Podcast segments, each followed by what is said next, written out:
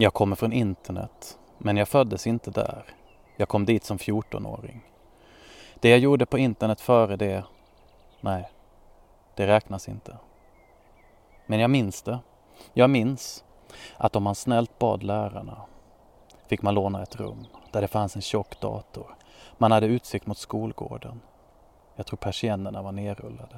Det fanns en lapp med adresser printat med luddigt skrivarbläck till olika sökmotorer. Yahoo, Alta Vista, Google.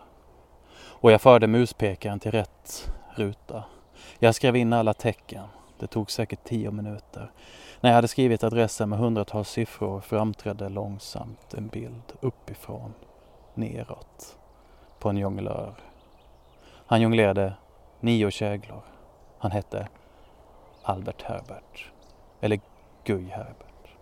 Eller Albert Lukas. Jag minns inte riktigt. Men det var veckans höjdpunkt. Jag tror det måste ha varit 1998.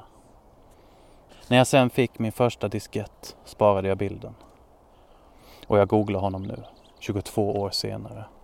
Märker att minnet hade fel. Det var åtta käglor han jonglerade. Han hette Albert Lukas. Jag kunde bara jonglera fyra käglor. Det suger att man ska vara sämre än vissa. Jag läser att när Albert var 11 år kunde han jonglera med sju ringar.